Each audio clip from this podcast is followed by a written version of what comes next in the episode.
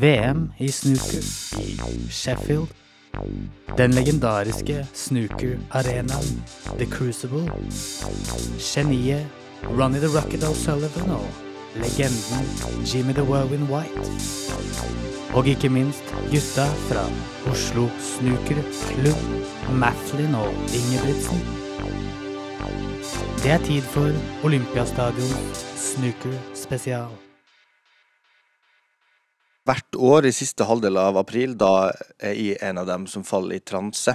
For i 16 lange dager så strukturerer jeg så mye av dagene etter Eurosport sitt sendeskjema fra VM i snooker. Fra første til siste støt.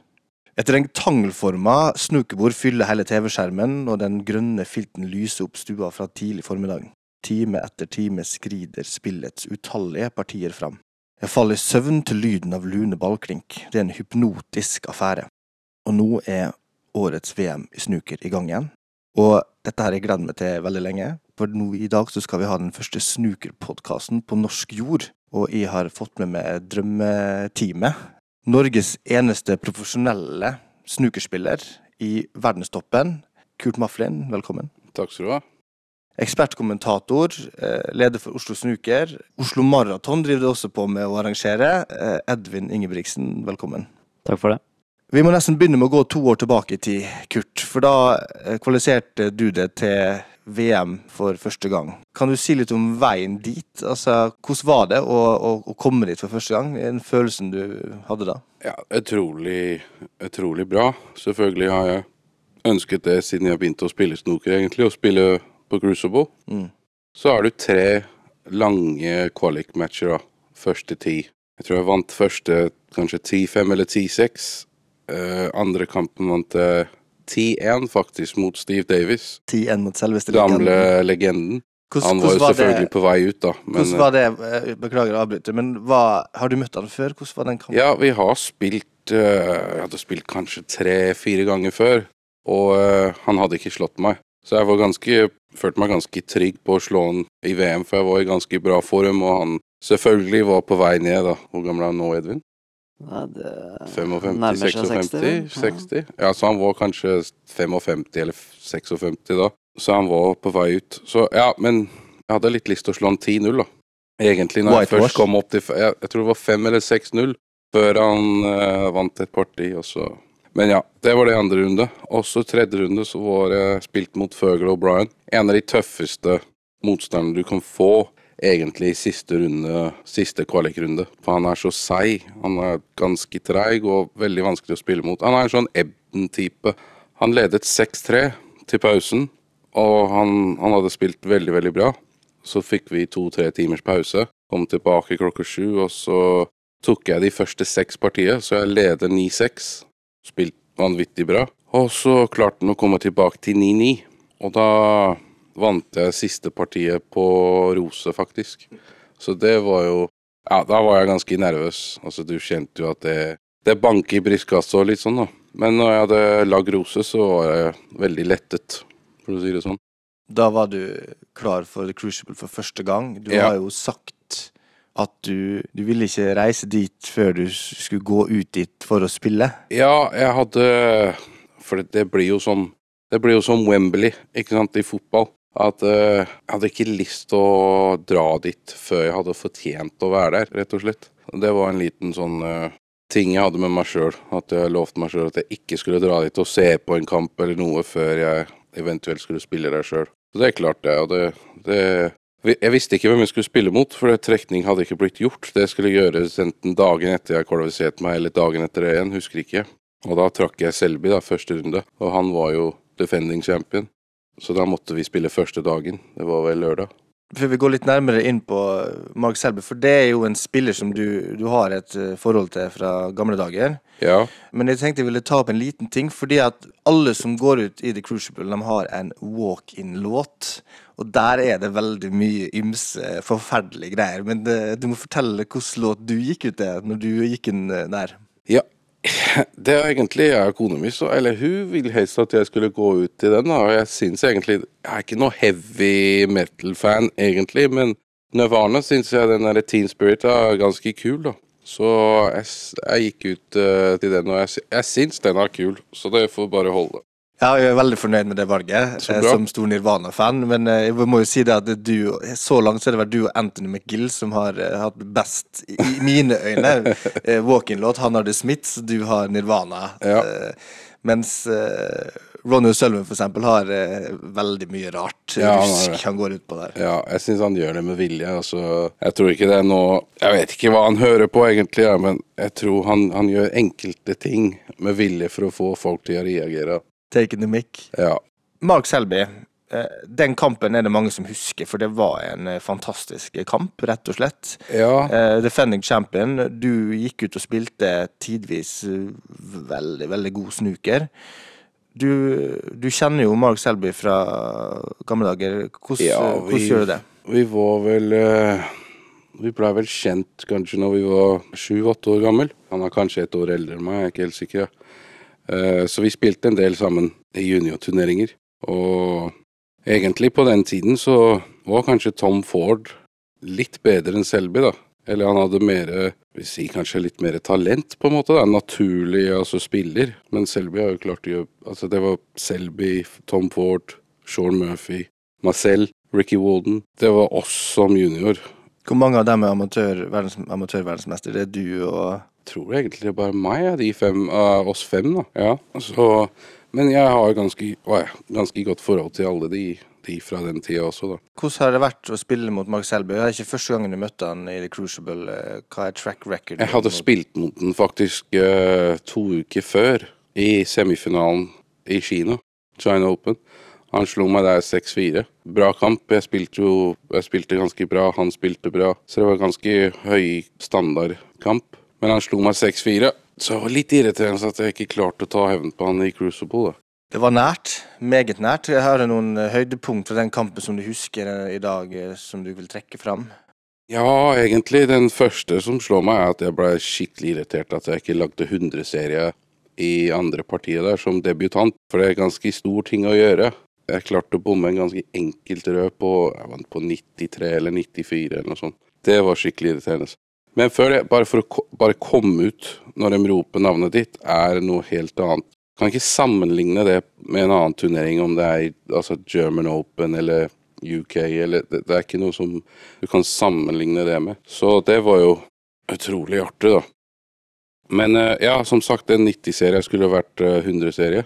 Og så egentlig at jeg lå under Først så var det 6-3 til pausen, og så lurer jeg på om det var 8-4. Var det 8-4? Kan stemme det, ja. Det var ikke sånn knallspill av ingen av oss.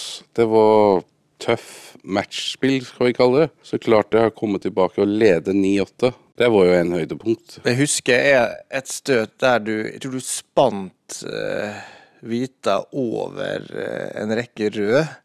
Den for opp i lufta og spant over. Jeg husker Ja. det var sånt uh, Jeg, jeg tror jeg skulle åpne packen. Jeg må jo støte ganske hardt, da. Og da har jeg fått overball i hvit, og den har jo hoppet over packen.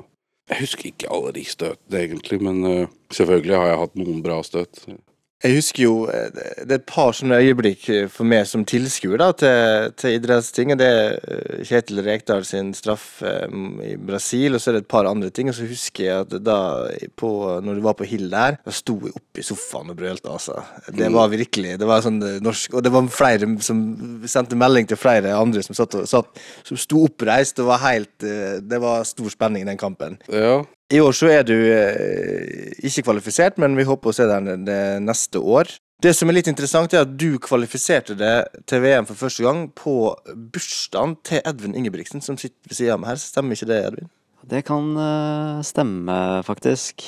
Når du sier det. Det er, eh, hadde jeg glemt. Men det var en bursdagsgave, da, Fra deg. ja jeg tror du var hjemme hos meg, var det ikke? Jeg så på den kampen sammen med Ja, ja, ja. Anit og Stemmer Tore det. og Hermen. og- Nei, det stemmer. eh, Nå ble jeg imponert over deg. Følger veldig godt med. Det må jeg si. Den bursdagsgaven fikk jeg ikke i år. Du gjorde ikke det? Nei. Han hadde glemt bursdagen sin sikkert, for du får ikke noe særlig gaver, du.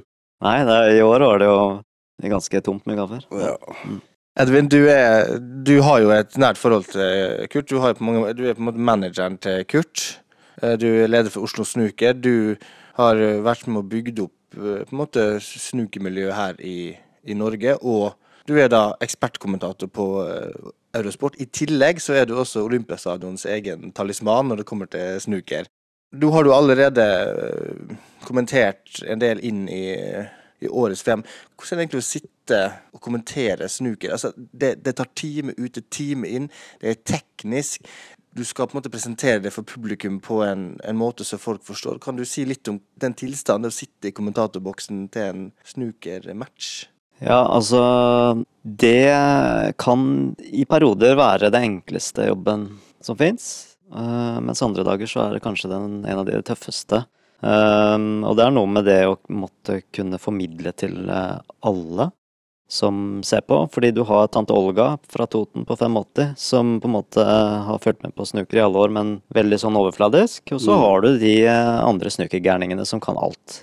Og disse snookergærningene, de, eh, de setter ikke så veldig stor pris på hvis vi ja, repeterer regler og litt sånne ting. Det, det liker ikke de. Mens eh, tante Olga, hun eh, setter pris på Hun begynner å bli gammel. Jeg tenker at i perioder så må man jo tenke på det også. Eh, men, men det å sitte der øh, time ut og time Fordi en kamp kan jo Jeg får jo det spørsmålet mange ganger hvor lang er en snukekamp? Og da pleier jeg å svare hvor langt er et tau? Det er øh, litt vanskelig å si. Men du sitter altså i studio. øh, Du prøver å være så konsentrert som mulig.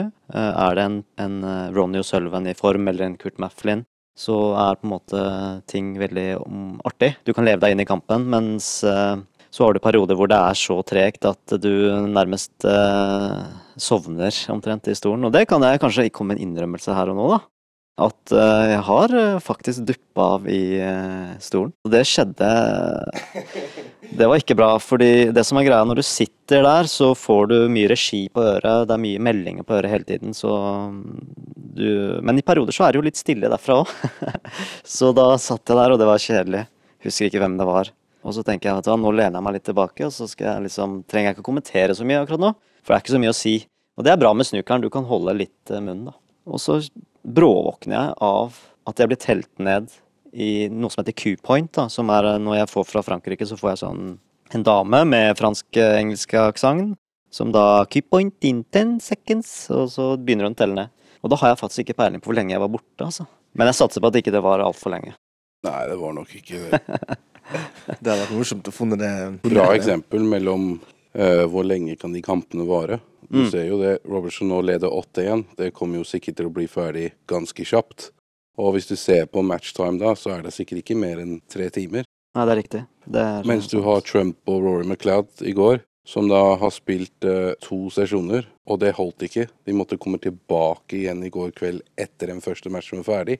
Og hvis du tenker på det, du, ser, altså, du tenker ikke at Trump skulle være i en kamp som varer i åtte timer, da. Nei, det er, eh, det er eh, Snooker er Det er liksom Ja, fotball er ganske enkelt. Det er 90 minutter pluss tillegg, mens snooker er litt annerledes. Men jeg kan bare si én ting.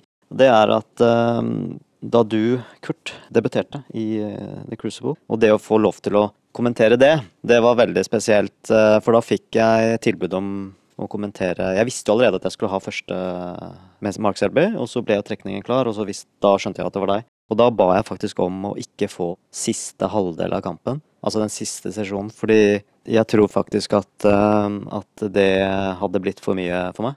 Og det var jeg litt glad for etterpå. etterpå. Mm. Eh, 9-9. Ja, Mm. det, jeg tror ikke jeg hadde klart å Fordi, som du sa, jeg, vi kjenner hverandre godt, og det er grusomt å sitte og se på Kurt uh, spille, rett og slett. Det er jo ofte sånn at man, når man er så eh, interessert, eller når man har så mye følelser knyttet til noe, så er det nesten som man velger å ikke se på. Jeg har litt det samme i forhold til fotball. Eh, men vi kan jo trekke en liten parallell, da. Bare kort siden vi er inne på det med at, at snooker har den det. I Norge så har vi liksom fått en sånn Altså, det, det langsomme har kommet tilbake, da, kan du si. Du har Hurtigruta minutt for minutt. Og snooker er jo den her langsomme. Det er jo, eh, I motsetning til fotball så er det ingen det er jo ingen eh, spektakulære mål fra 30 meter eller harde taklinger, men det er introvert dramatikk, da. Og jeg har skrevet litt om det. Jeg vil liksom si litt om det at eh, det er sånn meditativ repetisjon som går igjen. Det er taktiske disposisjoner, det er fokus, det er mestring av følelser. Og hvis man på en måte lar seg trekke inn under den der stille overflaten som snukeren er, så, så er det på en måte den underliggende dramatikken som ligger og ulmer i timevis. Som jeg tenker kanskje gjør dette til en, eh, en fantastisk sport å se på, og nesten gjør den mer nervepirrende enn en basketkamp eller håndballkamp. Når du finner rytmen, for eksempel, Mufflin, liksom, og, og, og du, kulene bare dropper, det er ingen anstrengelse, og når du, man ikke har rytmen, så er det kulene begynner å slamre, vantene stritter imot. øh, Alle disse tingene her, det er jo på en måte, for meg i hvert fall, en veldig sånn interessant dimensjon ved snooker som spill, og kanskje trenger jeg forklaring på hvorfor så mange faktisk ser på snooker, for det er jo veldig mange som Du har jo veldig mange seere. Absolutt. Og den slow TV som du er inne på, sjakk, eh, minutt for minutt, eh, Bergen-toget osv. Mm. Um, ja, det er så mange dimensjoner. Eh, en ting som jeg kunne tenke meg, og som jeg også har spilt inn faktisk til World Snooker, er å legge på en, enda en dimensjon til, og det er puls. Måling av puls på Mm. spillerne. Eh, jeg skulle gjerne ha likt å sett eh, pulsen til Kurt på skjermen når det var 9-9 med Mark Selby. Eller i går når Judd Trump ligger i stolen der og på en måte hardt skadet.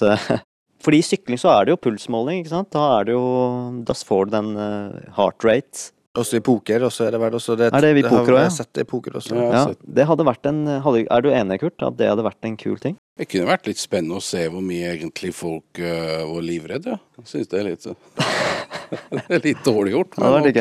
men ok. Jeg tenker det må være så tøft å sitte i den stolen, i det presset. Altså, det I tillegg for puls. da.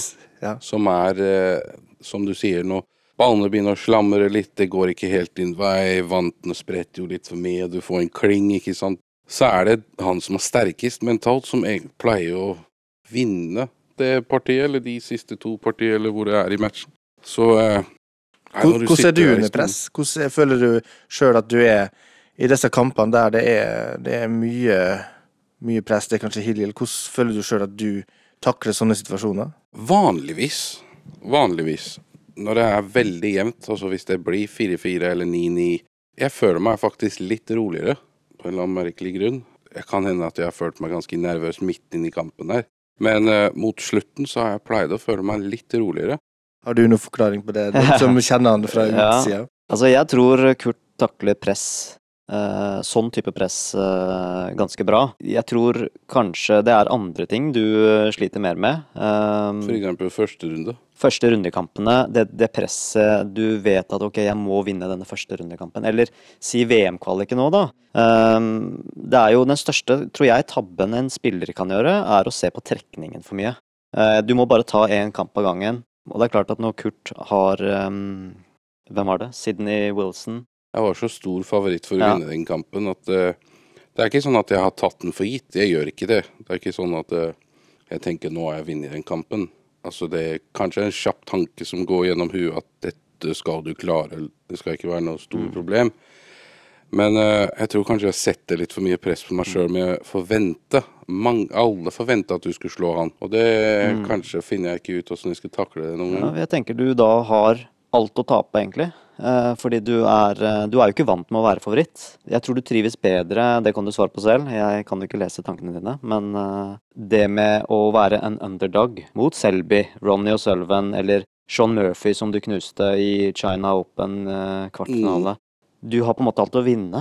Ja, jeg pleier jo å spille Jeg pleier å spille ganske bra når jeg spiller mot de toppgutta. Jeg liker det bedre. Jeg har ikke jeg tak, Altså, jeg har tapt Altså, for, for å si det sånn, i år, denne sesongen Jeg kan nesten si at jeg har ikke Det er ikke én spiller som har slått meg.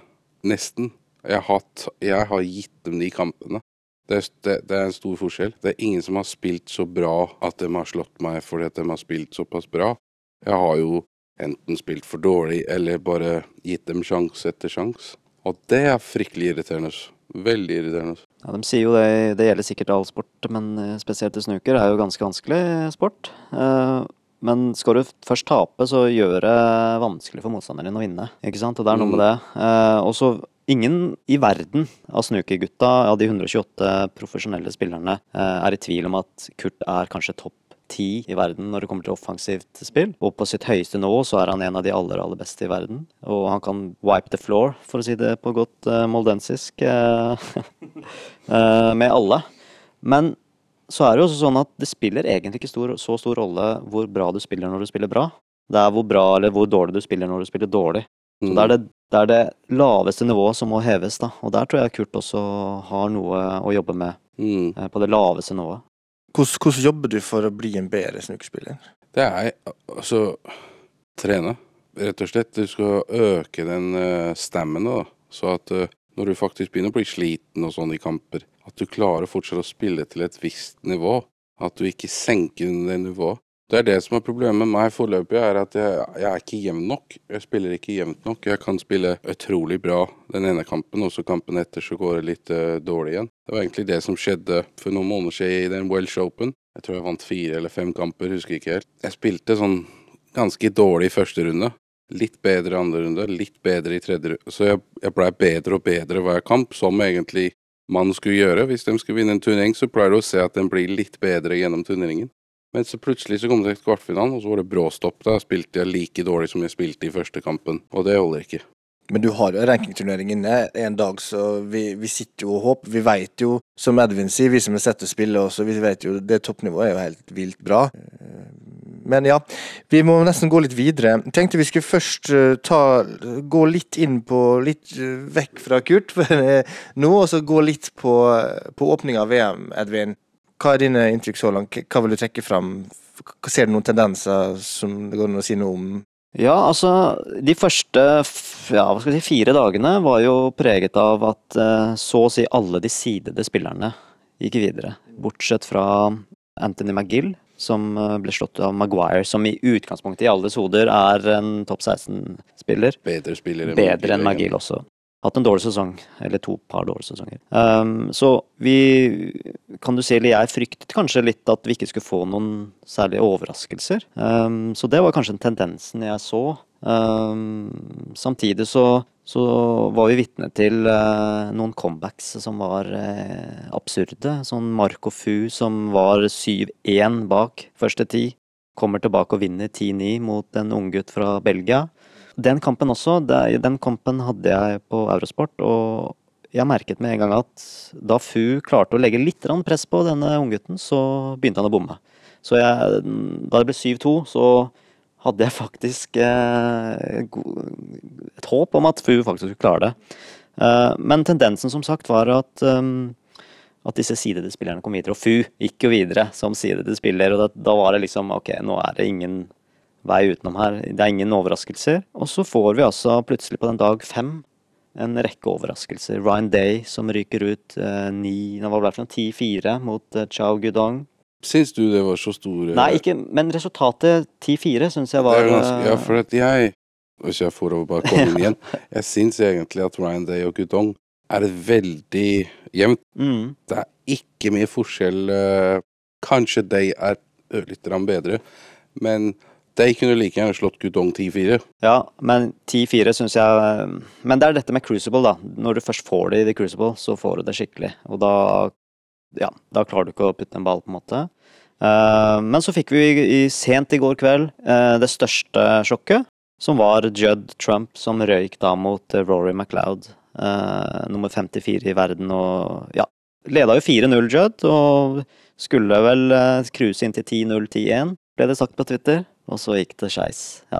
Så jeg syns VM så langt har budd på de overraskelsene. Dog, de kom eh, i går, men veldig veldig spennende. Og jeg, jeg må bare si at årets VM kanskje er det mest åpne VM-et som har vært på mange år. Det er flere spillere her, og jeg, Neil Robertson som har vært under radaren eh, i hele sesongen, egentlig, bortsett fra første turnering i Riga hvor han stakk av med seieren. Jeg føler litt at han kanskje har noe nå. Han er under radaren, er ikke favoritt. Han kommer litt eh, bakfra her nå og kan overraske litt, tror jeg. Han, er har jo kommet ut nå og sagt uh, hvorfor han har hatt så dårlig sesong.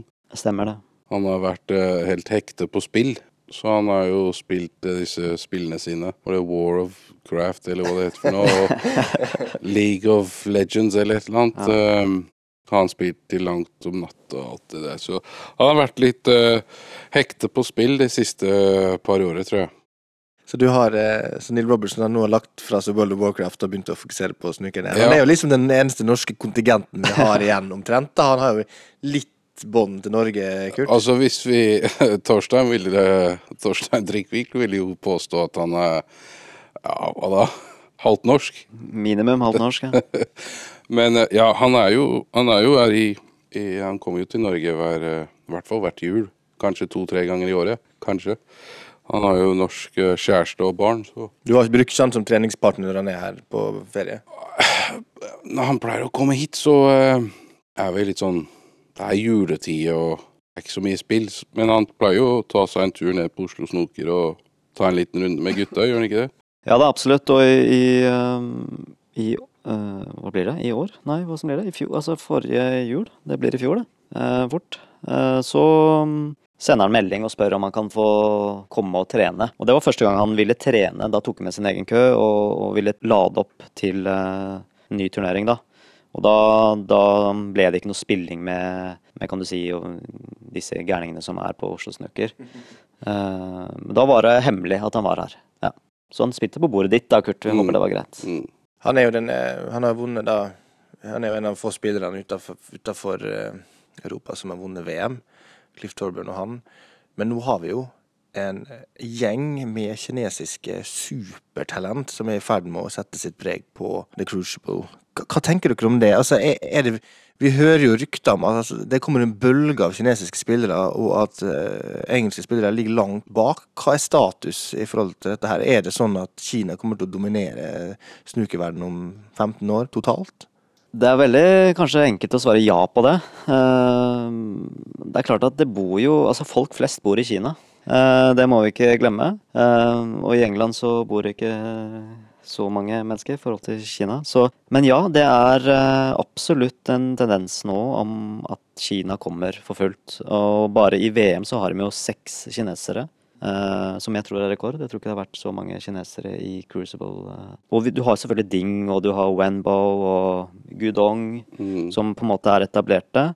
Uh, Men så kommer disse gutta, gutta krutt opp, som er liksom 14-15 år gamle og lager maksimums, og de liksom herjer. Trener jo 20 timer om dagen. Vet du. Det, det, sier seg sjøl, du må bli bedre. Ja, det er nok et regime der, et stramt treningsregime, og det kanskje nyter godt av. Jeg så et bilde på Twitter eh, dagen etter han Bing Tao tapte for Murphy. Det var jo ganske jevnt, var det ikke det? 10-7, 10-8 han tapte. Mm, 10-8. Dagen etter tapen så var han på treningsbordet. Og det sier, det sier jo litt, det, da. Mm. Jeg hadde jo tatt fri i to-tre uker. Eh, han, var jo på, han var jo på treningsbordet dagen etter, så det, det ligger jo litt der, da. Hvor sulten og ivrig de er. Og de trener jo og trener og spiller og spiller. Men du er enig i det, Kurt, at, eh, at eh, hvis du ser på kineserne, det er så mange unge kinesere, og så ser du på, ja, la oss si europeere, da, for å ta alle under en kam her, så er det han Jackson, hva heter han, Page, Mm. som er, han ser ut som han er 30, men han er 15. Ja, Eh, og jeg har ikke sett Jeg har ikke sett en spiller, så jeg vet ikke hvor god han er, egentlig. Nei, jeg har kommentert han, og, og jeg, jeg blir ikke sånn kjempeimponert. Ja, han er et talent, og han er bare 15 år, må ikke glemme det, men Yan Bingtao fra Kina, han herjer. Altså, han, han var overlegen. Han hadde slått denne Page eh, overlegent som 15-åring. Mm. Eh, også Ronny O'Sullivan hadde slått disse altså, europeiske talentene som 15-åring. Så vi, vi i Europa ligger nok eh, litt bak. Ja, det er men, ingen eh, som eh, slår gjennom. Verken fra England Altså hele Storbritannia. Men det blir jo nesten altså, OK, du hadde Golden Tree, altså Williams, eh, Ronny og, og Higgins. Etter det så er det jo på en måte Kurt, den generasjonen med Kurt, med Selby, Ford, Ja. du. Eh, Etter det så har de Det er ingenting. Ja, du kan ta med selvfølgelig generasjonen, halvgenerasjonen eh, holdt jeg på å si, under der, som er Trump og, Ja. og sånn, men, men Karen Wilson og Det er jo noen sånne spennende spillere, men det er ikke de derre Men du veit, før så, så var det snakk om altså barn i, i England, i hvert fall, eller Storbritannia, fra når de var 11-12 år. mm, Han må vi jo se på, for han kommer jo til å klare seg. mm. Men det er ikke Det er ingenting. Det er rekrutteringa som har begynt å svikte, da, eller hva, hva er det som skjer? Tror det er litt av alt. Ja. Det er nesten ikke noe amatør... eh, Mm. Jeg tror, nok- jeg tror nok eh, det Kurt er inne på, amatørsystem, eller amatørligaer, eller kall det hva du vil, divisjon, amatørturneringer. Eh, Før så var det en egen eh, amatørdivisjon. Det var en hel haug med turneringer? Og masse turneringer. Og nå er den siste turneringen som var Snookerbacker Classic, som på en måte er en snookerfyr som eh, er inne i miljøet i England, arrangerte jo denne Snookerbacker Classic, som hadde flere turneringer, hvor, hvor det var en gode pengepremier eh, til eh, disse amatørene som vant. Den ble også nå i hvert fall tatt en pause, fordi han, ja, han ser ikke verdien av å, å få ikke noe støtte fra World Snooker, som kun er veldig topptungt, ikke sant? De fokuserer jo kun på de profesjonelle. Så er det ganske mange snookersalonger i Storbritannia har lagt det nå. Det blir litt litt som i Norge, Hoppa kan forfall, og i England så snookerhallene forfall. Før så var det et snokerhall på hvert hjørne. Ja. Altså, det var så stort før. Det var så populær snoker. Men Neil Robertson var kanskje inne på noe kort uh, om det. Spillavhengighet, som du var inne på, World of Warcraft og League of Legends og um, whatnot, hva det heter for noe. Og så prøver han nå å få guttungen sin ut i parken. Mm. Ut på fotballbanen hver dag. Det er liksom målet hans, sånn at mm. han ikke skal på en måte bli Mm. en sånn. Og da ser han ingen unger. Ingen barn. I Verken i snookerhallen eller i, på fotballbanen eller noen steder.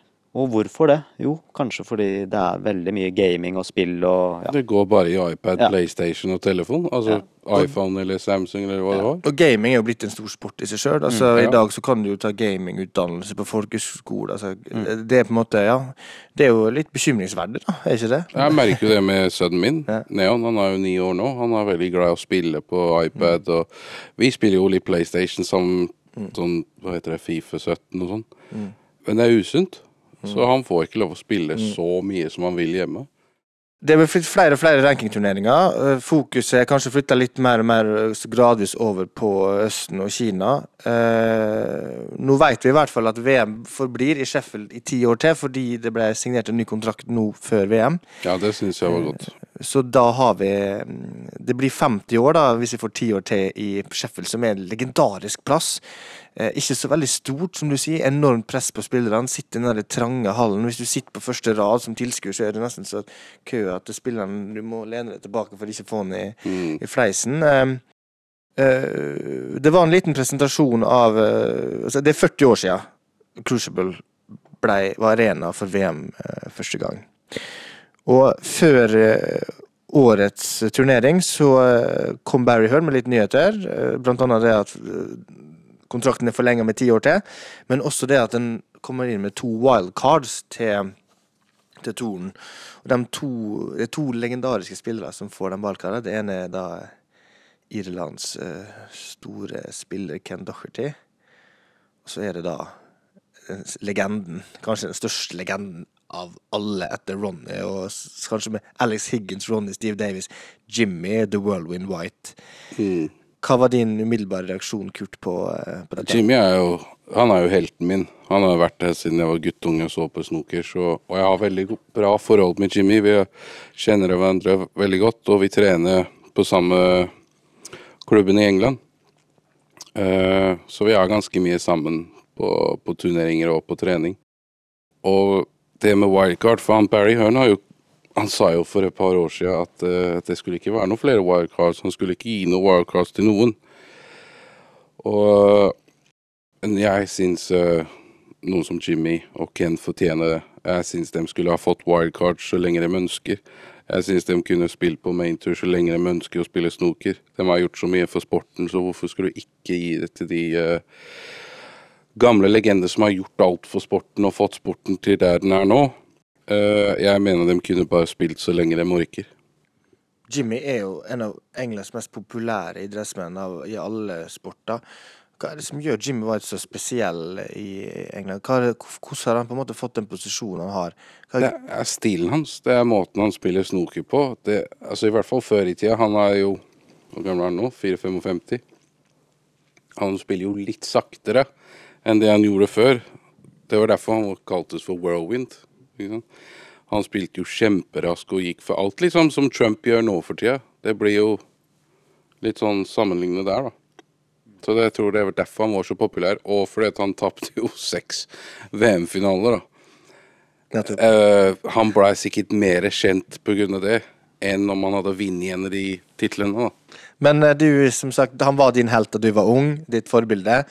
Eh, Nå er han din venn, og jeg vet ikke om han er treningspartner også. Kan du si litt om det, det vennskapet, eller hvordan, eh, er han som person? Du, har du en anekdote om Jimmy White? Ja, kjempegod tone. Han er veldig morsom. Han, eh, han holder seg sjøl til seg sjøl ganske mye. Han har ikke lyst til å ha masse folk rundt seg hele tida, for det, det, blir jo litt slitsomt hvis det er mange som kommer opp til deg. Kan jeg få autograf? Kan jeg få autograf?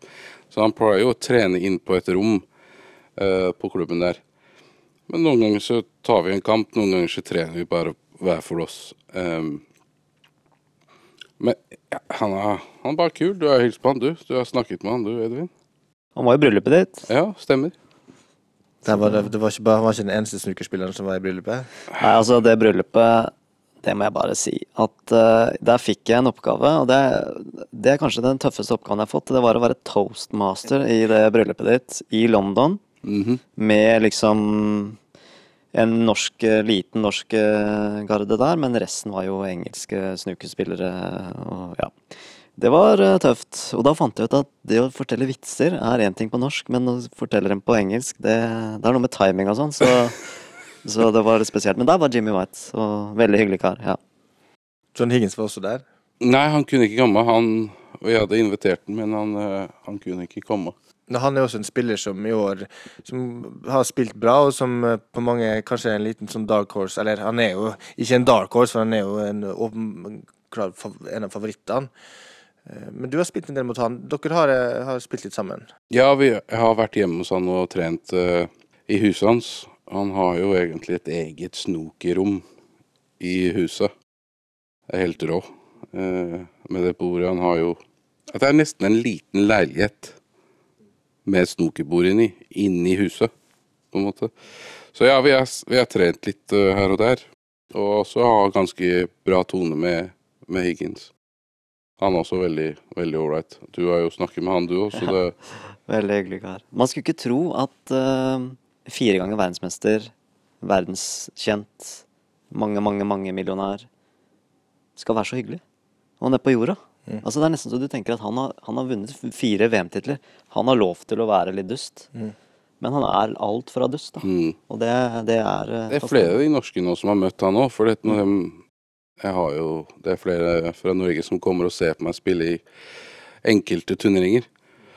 Eh, så går jeg ut og spiser med Higgins, så tar jeg med, med de som er der. Da får de også hilse på, på Higgins eller Maguire eller Jimmy eller hvem det er. Fine folk, men det virker jo som om du har mange gode venner i, i snukermiljøet. At uh, du kommer godt overens med mange spillere.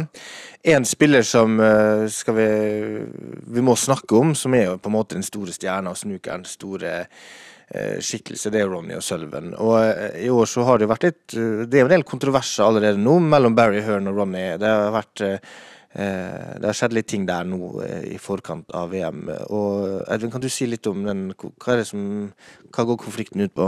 Ja, altså Ronny og Sullivan, han er jo et eget kapittel. Uh, han, har, han har litt uh, Han er et lite barn innimellom. Han slitt litt med autoriteter. Eh, og det er sånn at alle disse snookerspillerne, Kurt inkludert, har signert en kontrakt. Uh, hvor de uh, på en måte må følge en rekke ja, regler og ting, og følge opp i forhold til media osv. Uh, og dette her er han ikke nødvendigvis like flink til, han Ronny O'Sullivan. Og det har ført til at ja, i intervjuer så har han sagt ting. Han har kjefta på dommere, han har bannet, han har vært ufin. Og da har han fått refs fra forbundet. Det Ronny O'Sullivan mener, er at eh, han blir eh, bølla med. Han blir hersa med av eh, de høye herrer, Barry Hearn spesielt. Han, han, et eksempel er at han, han får tunge juridiske brev med advarsler og bøter en dag før en turnering, f.eks. i posten. Med et veldig tungt juridisk språk som kan skremme vettet av hvem som helst. Han syns at, at uh, han har gjort nok for sporten i disse 25 årene han har holdt på. At han, han føler seg rett og slett bøllet med. Um, og om han har rett eller ikke, det er jo en annen sak. Men uh, det er jo spillere som både støtter han, og som på en måte ikke støtter han. Uh, men det er klart at nå er det på et bristepunkt. Han truer med advokater osv. Uh, han kommer ut med en, et statement her for et par dager siden hvor han sier at han ikke kommer til å svare på noen spørsmål knyttet til denne saken.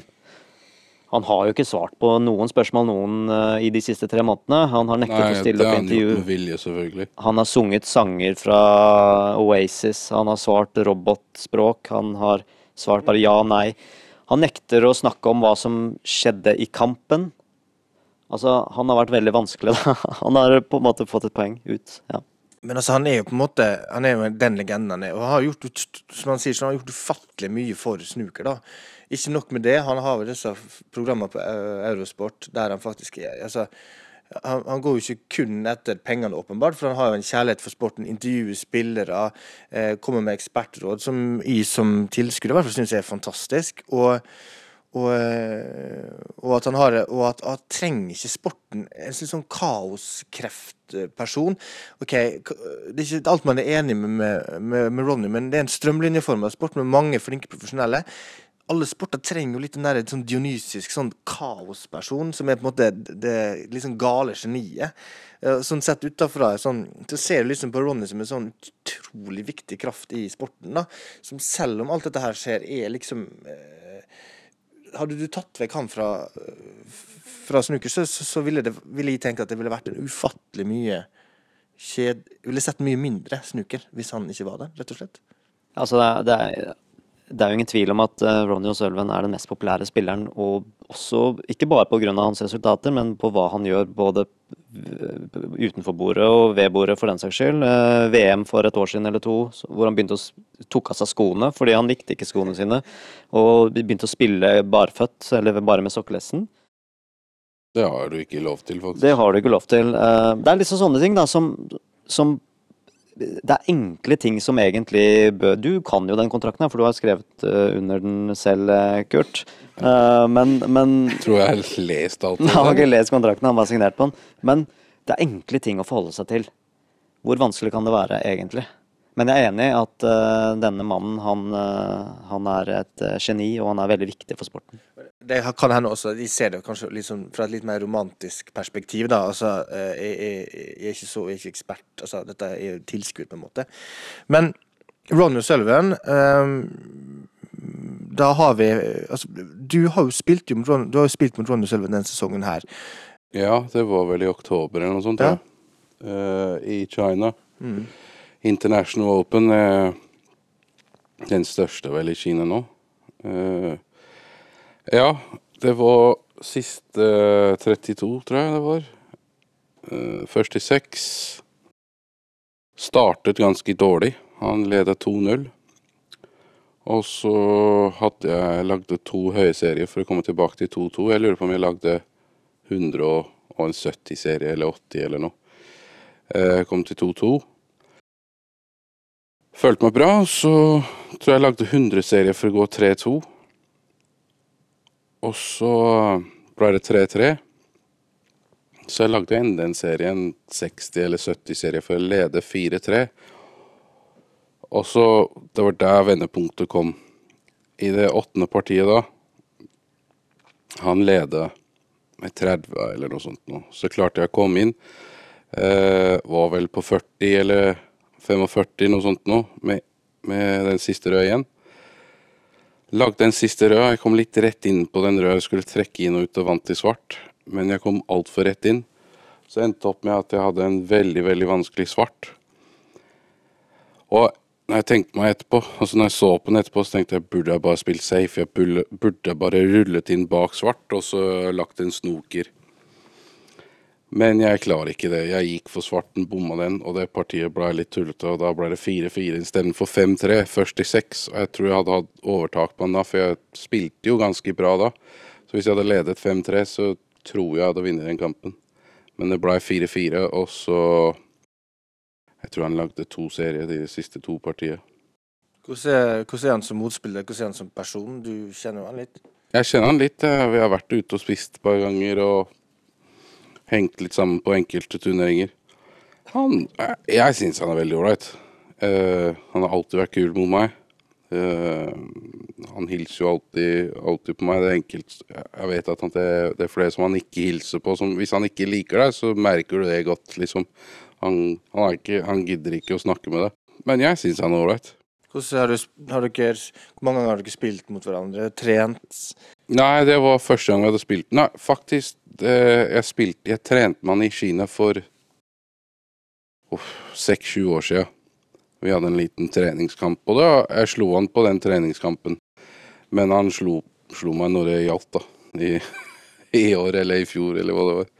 Så vi har ikke spilt så mye, nei. Eh, årets, eller Sesongens høydepunkt for det, du har spilt mot Ronny, og det alltid, må være alltid være et høydepunkt å spille mot han, men ja, jeg eh, hadde jo veldig lyst til å spille mot den mm, på et eller annet tidspunkt, og det fikk jeg gjøre. Og det var nesten. Jeg skulle ha vunnet den også. Men du burde ansette Du bør Ronny an, ha ansatte Ray Reardon i ett år som sånn defensiv taktisk trener. Ja. Der er du faktisk inne på noe. Det er godt eh, Det burde du skrive ned, Kurt. Det Eh, skrive ned. Ray Reardon, ja. Hæ? Ta med Ray Reardon på laget. Ja, så lenge han er blant oss. Han begynner jo å dra på åra, han eh, kameraten her. Ja. Vi må jo ta det som på en måte er høydepunktet i sesongen i år. Altså Welsh Open, som har vært Vil du si det sjøl, er det det høydepunktet i årets sesong? Ja, det er jo det.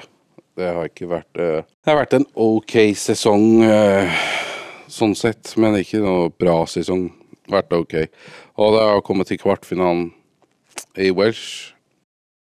Og jeg spilte ganske bra. Følte meg ganske bra i den turneringen. Du møtte en Eh. annen offensiv spiller i kvarten, Robert Milkins. Hvordan Ja. uttalte den kampen seg?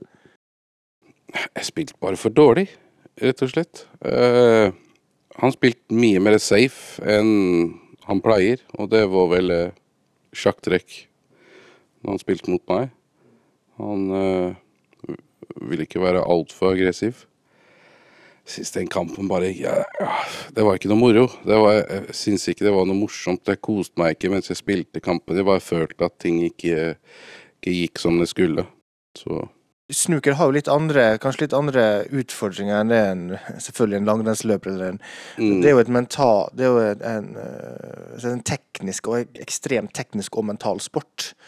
Eh, Du reiser jo stort sett året rundt. Hvordan, hvordan holder du på en måte følelsene i sjakk? Hvordan, greier, hvordan er det å være på eh, Hvordan er det en sesong for det, en snookersesong for det? Hvor mye reising innebærer Det det? er tøft. Det er lang. Eh, skal ikke klage for mye, selvfølgelig, for det, det er mange som hadde sikkert ville bytte jobb med meg, f.eks. De får lov å reise rundt verden og gjøre det de elsker. Men eh, det er tøft, og i hvert fall når du har familie og barn. Du er borte mye fra dem. Det er også Du ofrer Du ofrer ting, akkurat som de ofrer. At jeg er borte, f.eks. De eh, ofrer mye. Jeg går jo glipp av han eh, gutten som vokser opp. Jeg ser ikke alle de derre Hva heter det? Time change. Altså Um, Så det er tøft. Det er, det er, det er vanskelig. Men så, så når det går dårlig, så virker jo det For en bortkasta tid det var. Hvor mange reiser har du i løpet av en sesong? Halvparten, vel. Seks måneder i året, kanskje. Noe sånt. Hvordan, eh, hvordan hvordan, eh, så økonomisk og sånn eh, Hvordan fungerer det?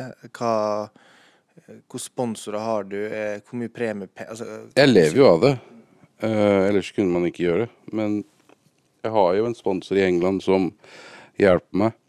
Dekke Dekke forskjellige utgifter. Men jeg er alltid på jakt etter nye sponsorer, selvfølgelig. Om det er uh, en logo på vesten eller ja, eventuelt hva- hva det kan være. Det er uh, bare å ta kontakt, egentlig. det. Ja, det er ganske Hvis du kommer til Sheffield neste år, så er det ganske god eksponering å ha en Du når ut til ganske mange der. Ja, jeg har jo Jeg tror det er lov til å ha to Er det to eller tre logoer på forskjellige, forskjellige turneringer. Noen ganger i Kina så har du lov å ha med fire logo. Eh, når du spiller den derre Hva heter det Shootout. Den som går på Da er det den der morsomme turneringen. Det varer jo bare ti minutter partiet. Uh, da kan du ha fire eller fem logo på skjorta. Så det varierer jo litt. Jeg har beskrevet Kurt Maflin som norsk snukers enmannshær, men det er jo et, et voksende miljø, et snukermiljø, Edvin, eh, her i Norge. Hva er det som skjer her hjemme? Ja, sånn Snooker i Norge er jo en, kan du si, en ung sport. Eh, vi er jo født med ski på beina og en fotball under armen, eh, eller håndball. Eh, men i Norge så er det et voksende snookermiljø. Det er turneringer hver måned. Det er norgescup, det er NM-er i forskjellige disipliner. Det er nordisk mesterskap som har blitt tatt opp igjen eh, etter flere års eh, pause. Så hvert år er det et nordisk mesterskap.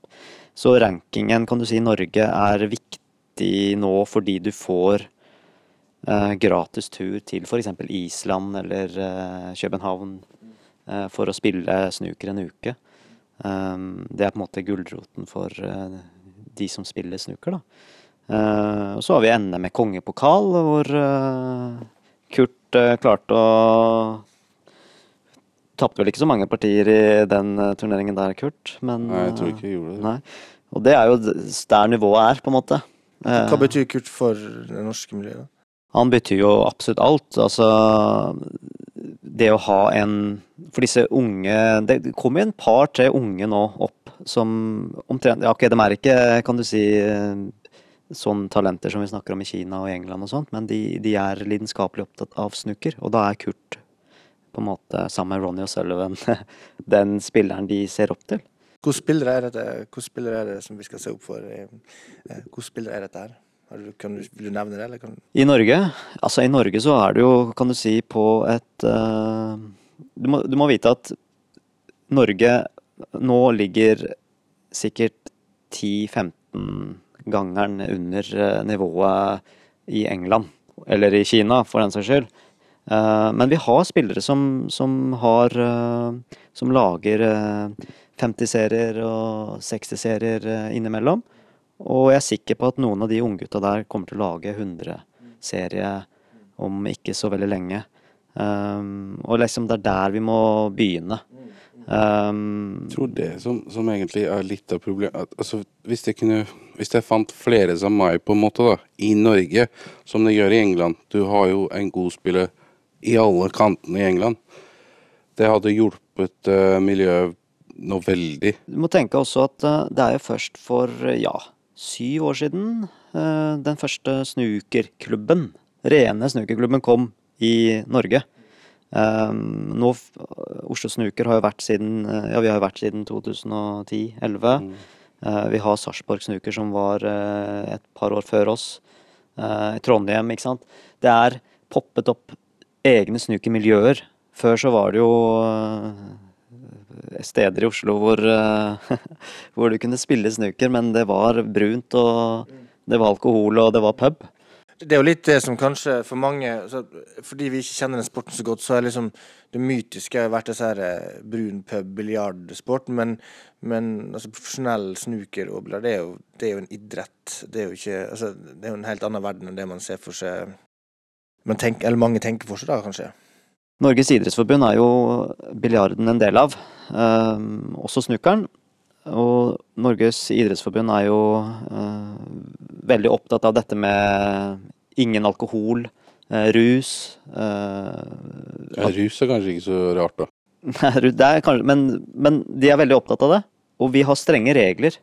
Eh, Så hvis vi f.eks. Oslo Snooker, som er en egen klubb, skal eh, arrangere en turnering, uh, uavhengig om det er en, en tøyseturnering som vi har, så må vi være forsiktige med hva vi gjør. Altså med tanke på alkohol og alkoholservering og sånn. Så da vi spilte før vi startet Oslo Snooker, så spilte vi på et annet sted i Oslo, som var en pub.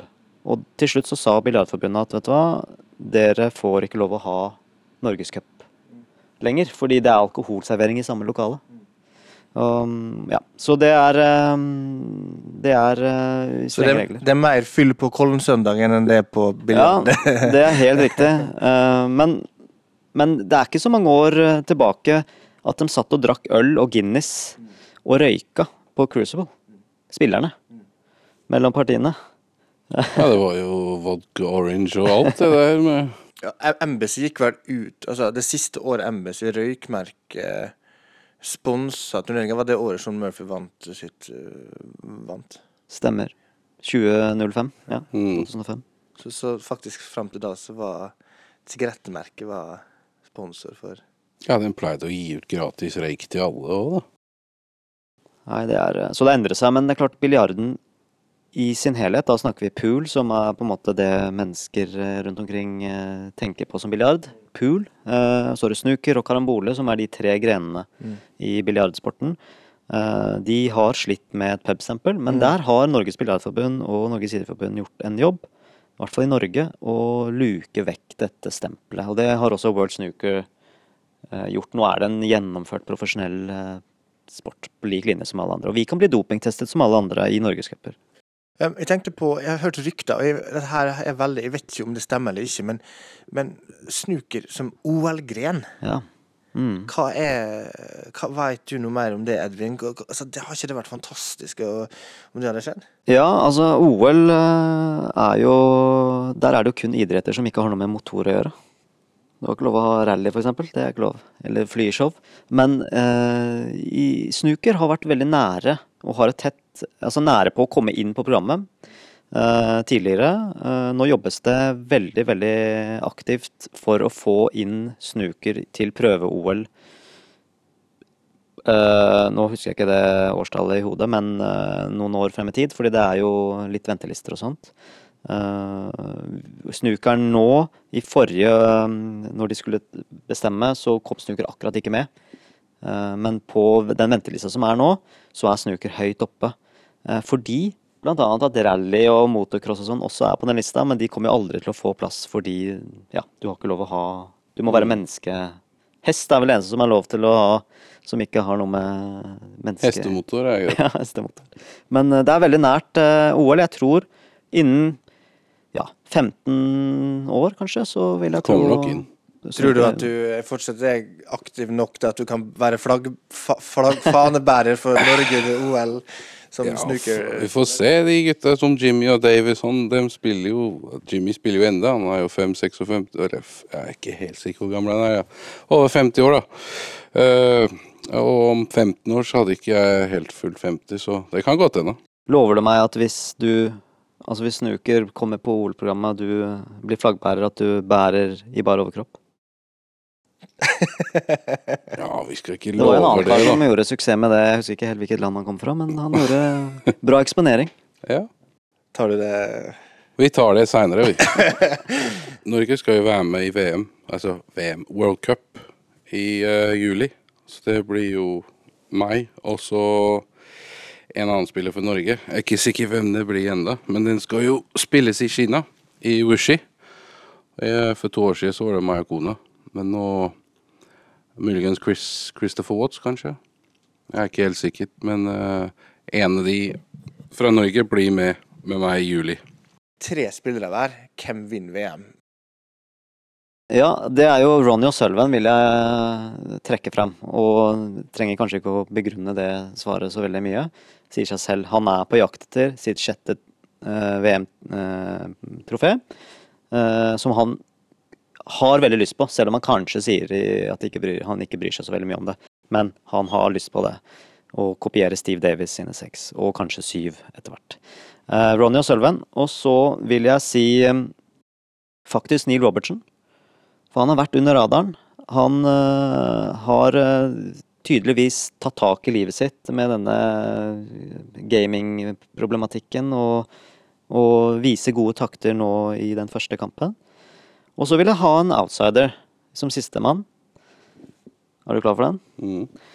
Karen Wilson. Fordi han er en litt sånn Mark Selby-type. Dønn seriøs. Eh, trener hardt. Har ikke noe sånn spesielt talent, men jobber hardt. Og jeg tror Karen Wilson kan eh, gjøre det bra. Ja. Ja, jeg sa Higgins, bare fordi Higgins er jo Higgins. Han har vunnet det fire ganger før, og jeg syns fortsatt at han spiller Han spiller like bra som hvem som helst. Uh, og når han spiller på sitt toppnivå, så mener jeg at det er kun Ronny som kan, kan slå han. Og det er jo vice versa også, da. Jeg mener at Ronny og Higgins har fortsatt De er jo litt bedre enn Selby. Så jeg skal si Higgins, og så skal jeg si um, Maguire.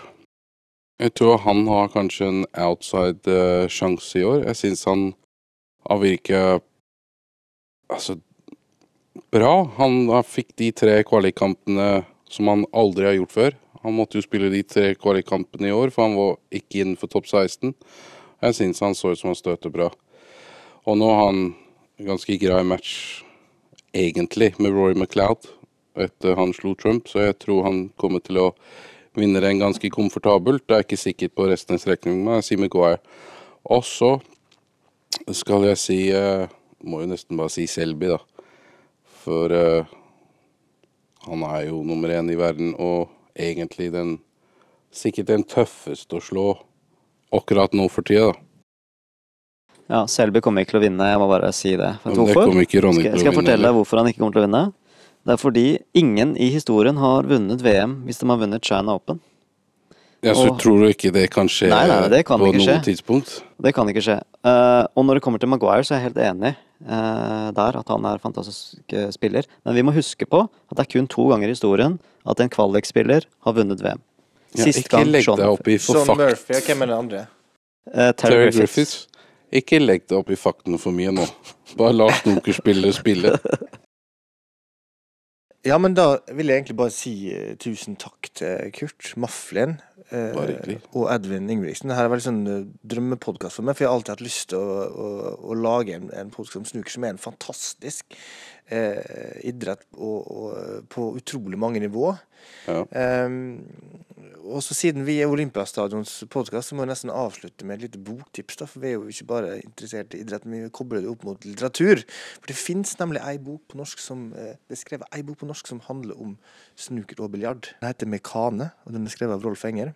Og Der trenger han altså inn i snookerens og biljardspillets vesen, og han trekker paralleller mellom snooker, Newtons bevegelseslov, zen-buddhisme og norsk samtidslitteratur. Eh, og i slutten av boka så, eh, så sier han eh, så sier han noe lignende. Altså, snuker er jo meditasjon for fjernsyn. Det er jo vårt hurtigruta minutt for minutt i sportsform. Og, og hovedpersonen i Mekane, som Rolf Enge skriver om, han sier følgende i boka, sitat.